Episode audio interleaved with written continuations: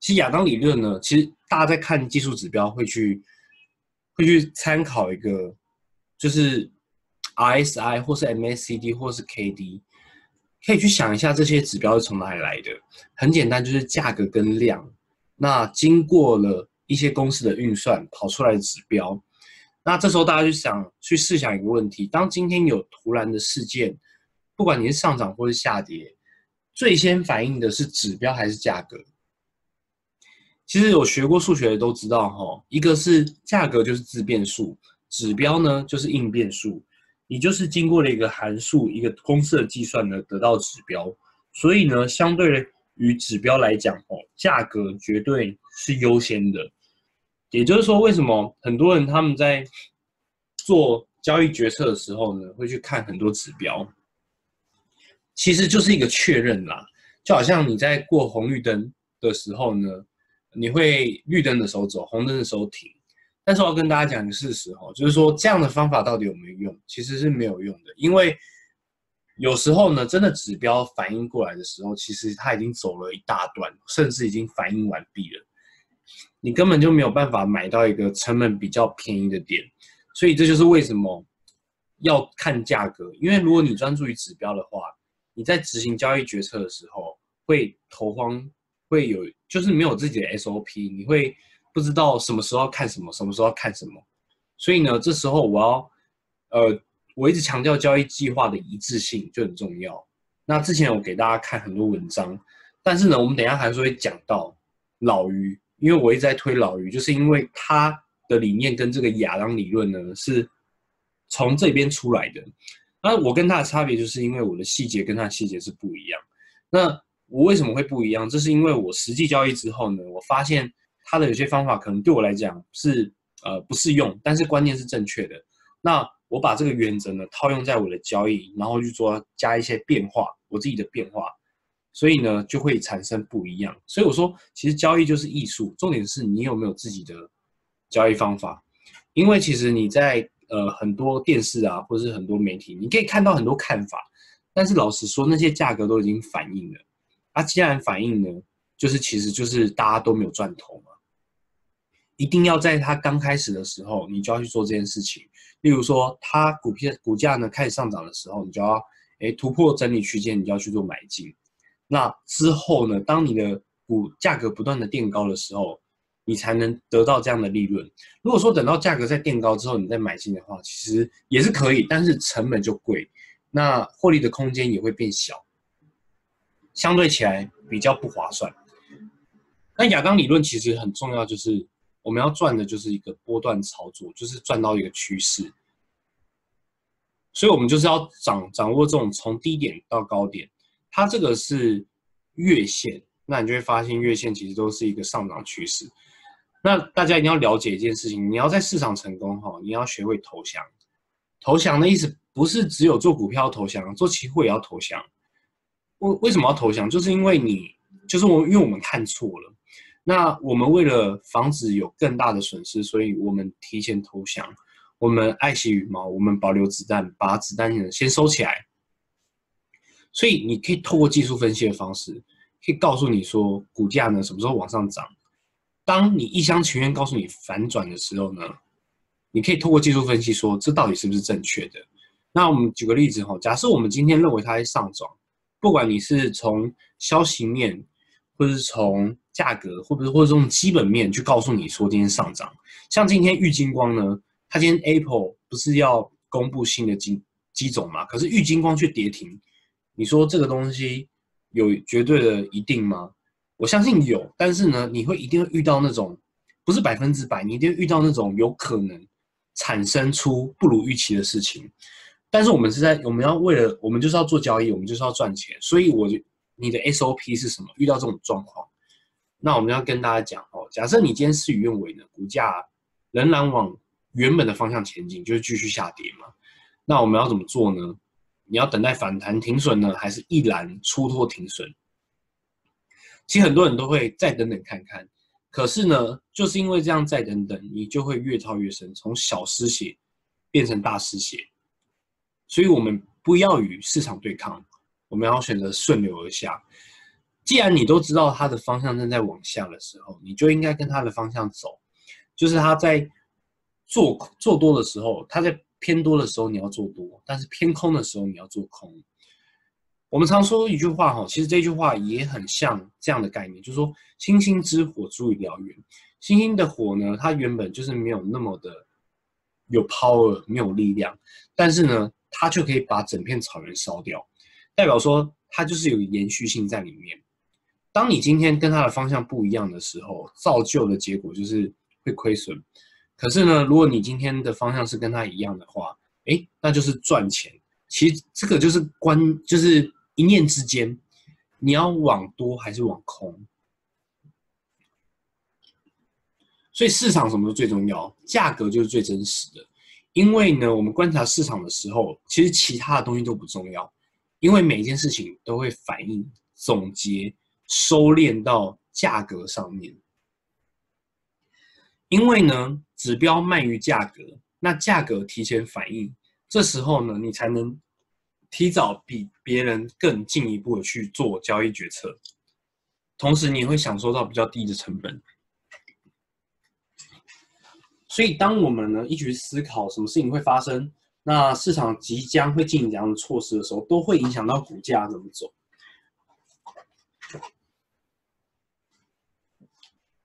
这就是只真呃，就是讲解何谓趋势。就趋势就是一再重复的事情，一再重复呢，就好像惯性一样。其实亚当理论其实就是讲一个对称的概念。那对称的概念，其实在我做单的时候，我也跟大家讲，你的目标点其实就是一个对称的概念。你原本它的股价在这边，你要怎么做？就翻过来再翻过来。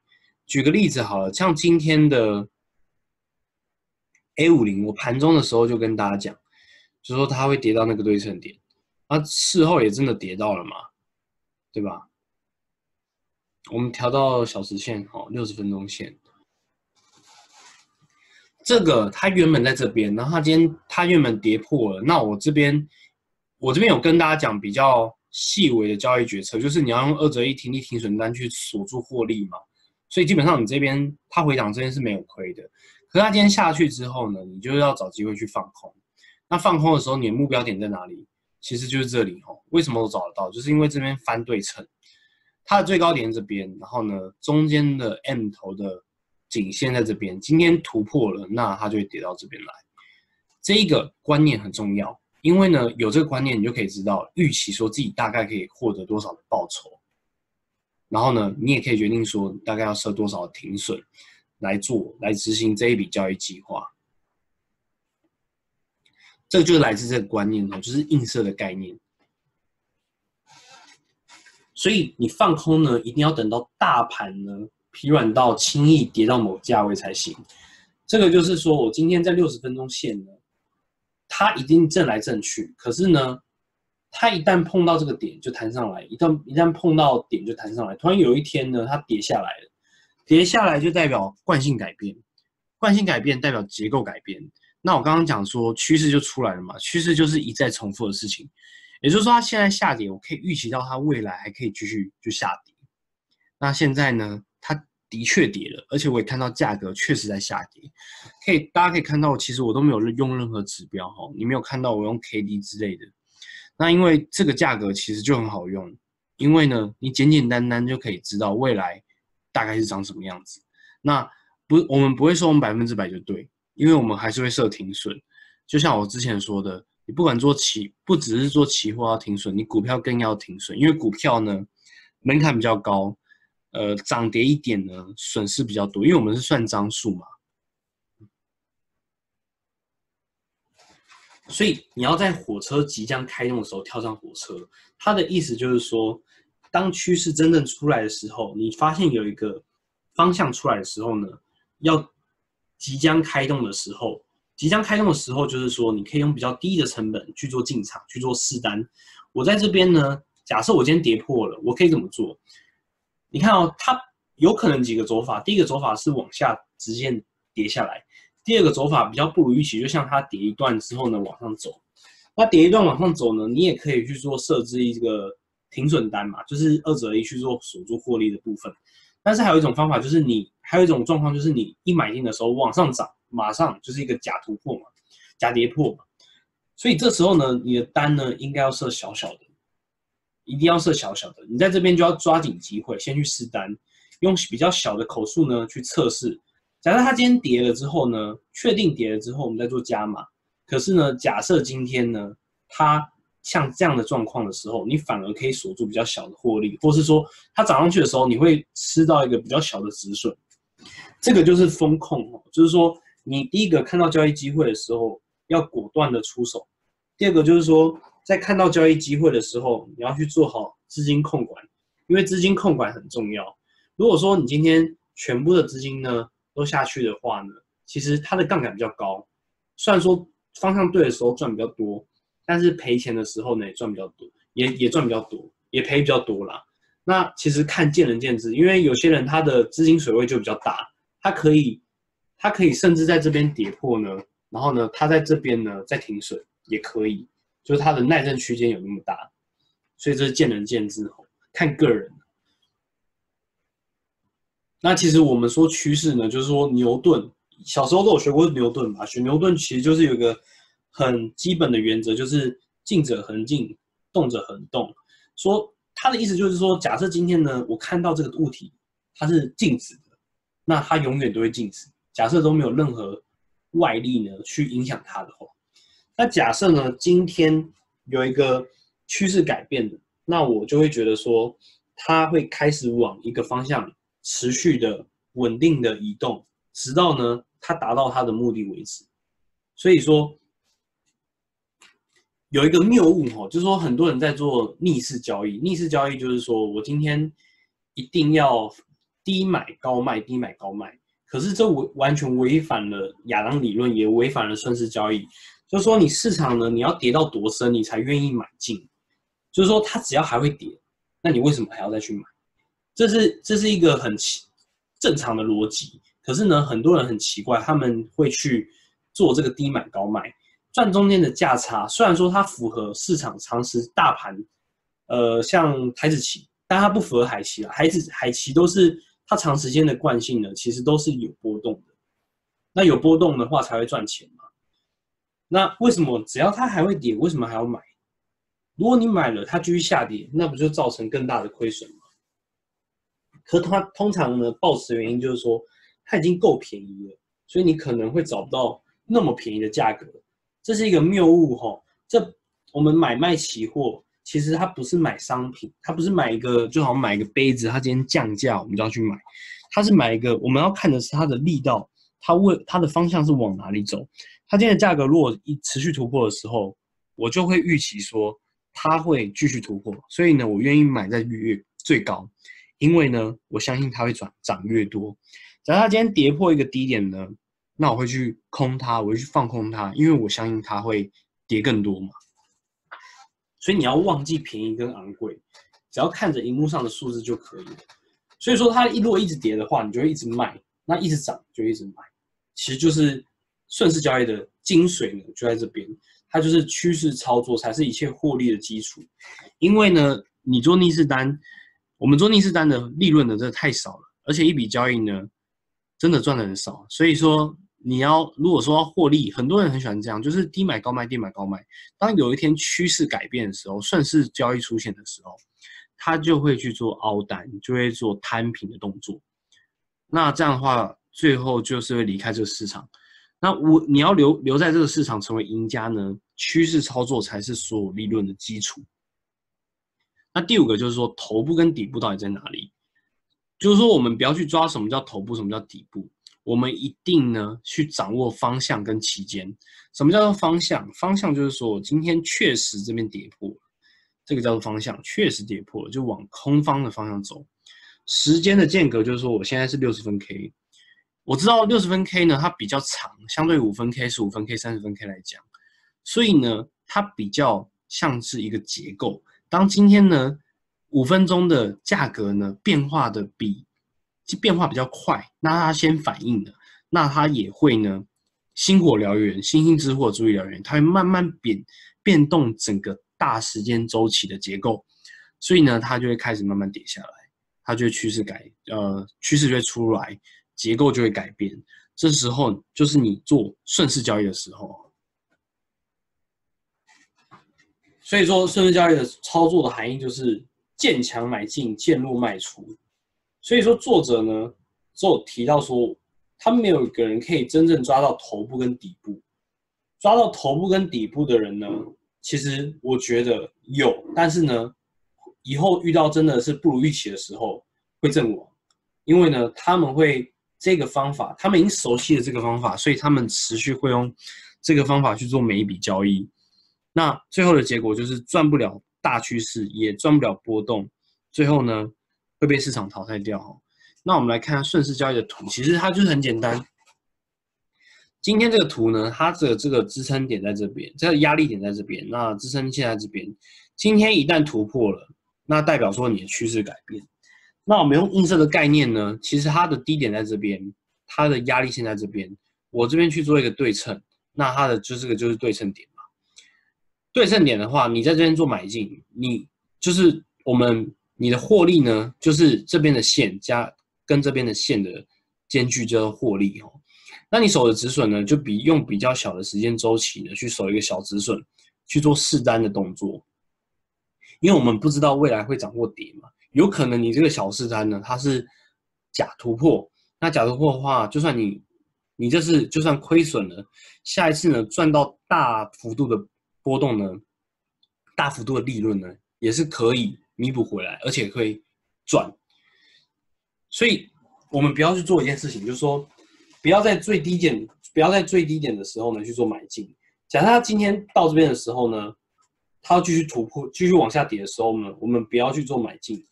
然后我们也不要在最高点的时候去做放空，因为呢，你看哦，股价不断创新高，是不是？我每次创高我就放空，创高我就放空，创高我就放空，最后受不了，最后受不了，所以就停损。那停损呢？为什么它会达到这个目标点？就是因为。当它停损的时候，它其实就是在做一个回补的动作。它原本放空，那现在买进，那买进的力道变强了，所以呢，它可以到它这个满足点。我们来看逆势交易哦，逆势交易就很简单，就是高买低卖嘛。那高卖低买，高卖低买，高卖低买。你要获利的话呢，每一段获利都小小的，可是呢，你要确实你要以赚钱为目的的话。你必须每一笔都赢，而且呢会很辛苦，因为你要去一直盯盘，蛮累的。但是如果你是做顺势交易呢，你反而只要掌握这一段趋势改变这样就好，在这一段呢完全不需要去做单。所以呢，它这样子出去之后，假设你是逆势交易，你就会放空、放空、放空，最后造成亏损，然后呢就离开市场。所以要认赔小钱做赚大钱的意思，就是说我今天。假设它今天趋势，我发现它有一点趋势改变的味道的时候，我就可以愿意去下一笔小的单呢，去试单。假设它今天趋势真的确定之后，我再压多一点，这个就是一个呃找到机会，然后呢顺势加码的操作。其实，在不管是在工作或在生活一样，我们今天去搭捷运，我们发现捷运刚打开的时候，你是不是要赶快进去？对吧？因为我们要搭捷运嘛。那假设我们今天捷运都还没有来，你需要一直待在捷运的门口吗？不需要嘛。因为就算你待到捷运的门口，捷运没有来，还是一样停留在原地。所以，我们就是其实就是在等一个周期、一个机会。因为捷运就是五分钟一班，五分钟一班。为什么不要做股票，要做期货？还有一个很大原因，就是因为交易时间。你在交易时间那么长里面呢，你可以等到的火捷运呢比较多。你可以等到做交易的机会比较多，再加上呢，海外期货的商品也很多。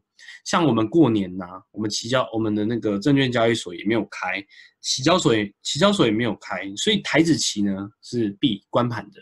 那股票也是关盘，这时候如果你想交易的话，就是要做海外期货，而且通常海外期货呢，它的波动比较大，通常在过年的时候，我也不知道为什么。所以这是希望大家呢，在操作时候呢，你一定要小损失就好，不要让它变成大损失。我们有四个象限哈，第一个象限叫做小赚、小赔、大赚、大赔。我可以接受小赔、小赚、大大赚，但是我不能接受大赔，因为大赔呢，就是因为你没办法迅速脱手赔钱的部位，所以呢，由小亏钱变成大亏钱。那第一个你要去注意说，何时你要进场操作？第一个就是突破盘整，这第一个；第二个叫做趋势改变；第三个叫做出现跳空缺口，而且呢，这个跳空缺口很强劲哦，完全回补不了，所以呢，你就可以看发现就是趋势就改变。那亚当理论呢，其实非常简单的趋势判断，你不用像外面一样说什么呃呃一定要买软体，然后呢一定要去看讯号，其实不用，你只要用很简单的这样操作，掌握我教给你的原则，就是你要选择做你值得做的交易，而且呢你要做好资金控管，其实这样就够了，真的这样就够了，你不需要去买什么软体，因为呢你买软体呢成本会变重，你买软体。你要去看那个软体的价格超级贵，你还没赚到钱先亏钱，这个合理吗？我觉得在做交易的时候，每个人都像老板哈。什么叫老板？老板就是要那个就像新创的公司，你要生存啊，你要生存，你一定要做会赚钱的项目哦。会赚钱的项目，你不可能一定是砸大本，因为呢，你没办法去计算每一个你砸出的钱回收率有多少，你要。我们要经营一门生意，一定是把钱呢分成一部分一部分。好，我们今天拿第一部分的钱去做生意，没有赚钱，这个项目没办法做。好，我们就换第二个生意，第二个生意可以做，那而且赚的马马虎虎还可以，但是呢烧钱不够，那我们再更正，我们拿第三份钱来跟来做我们修正之后的生意，哎。我反而发现，这样修正之后呢，我做可以做的赚的钱更多，我的毛利更高，而且呢，我还可以做到成本更低。这时候你是不是就赚钱了？那是不是这样才是对的方式？哈，如果你一开始我要买一个啊，我要买一个机器，我要买一个机台，我就把我原本一那一份资金的五十 percent 拿去买那样的机器，大家觉得你这样子是压力变大还是压力变小？大家可以去思考一下哈，我这个就不多说。其实交易就是这样子，你要把自己当成一个老板，要把自己当成一个创业的老板，因为呢，其实你就是在晚上的时候去做交易，做交易就是做生意哈。所以你不需要去抛弃你原本的技术分析，你只要呢，让你知道改变你的想法，就是接受亚当理论，这样就够了。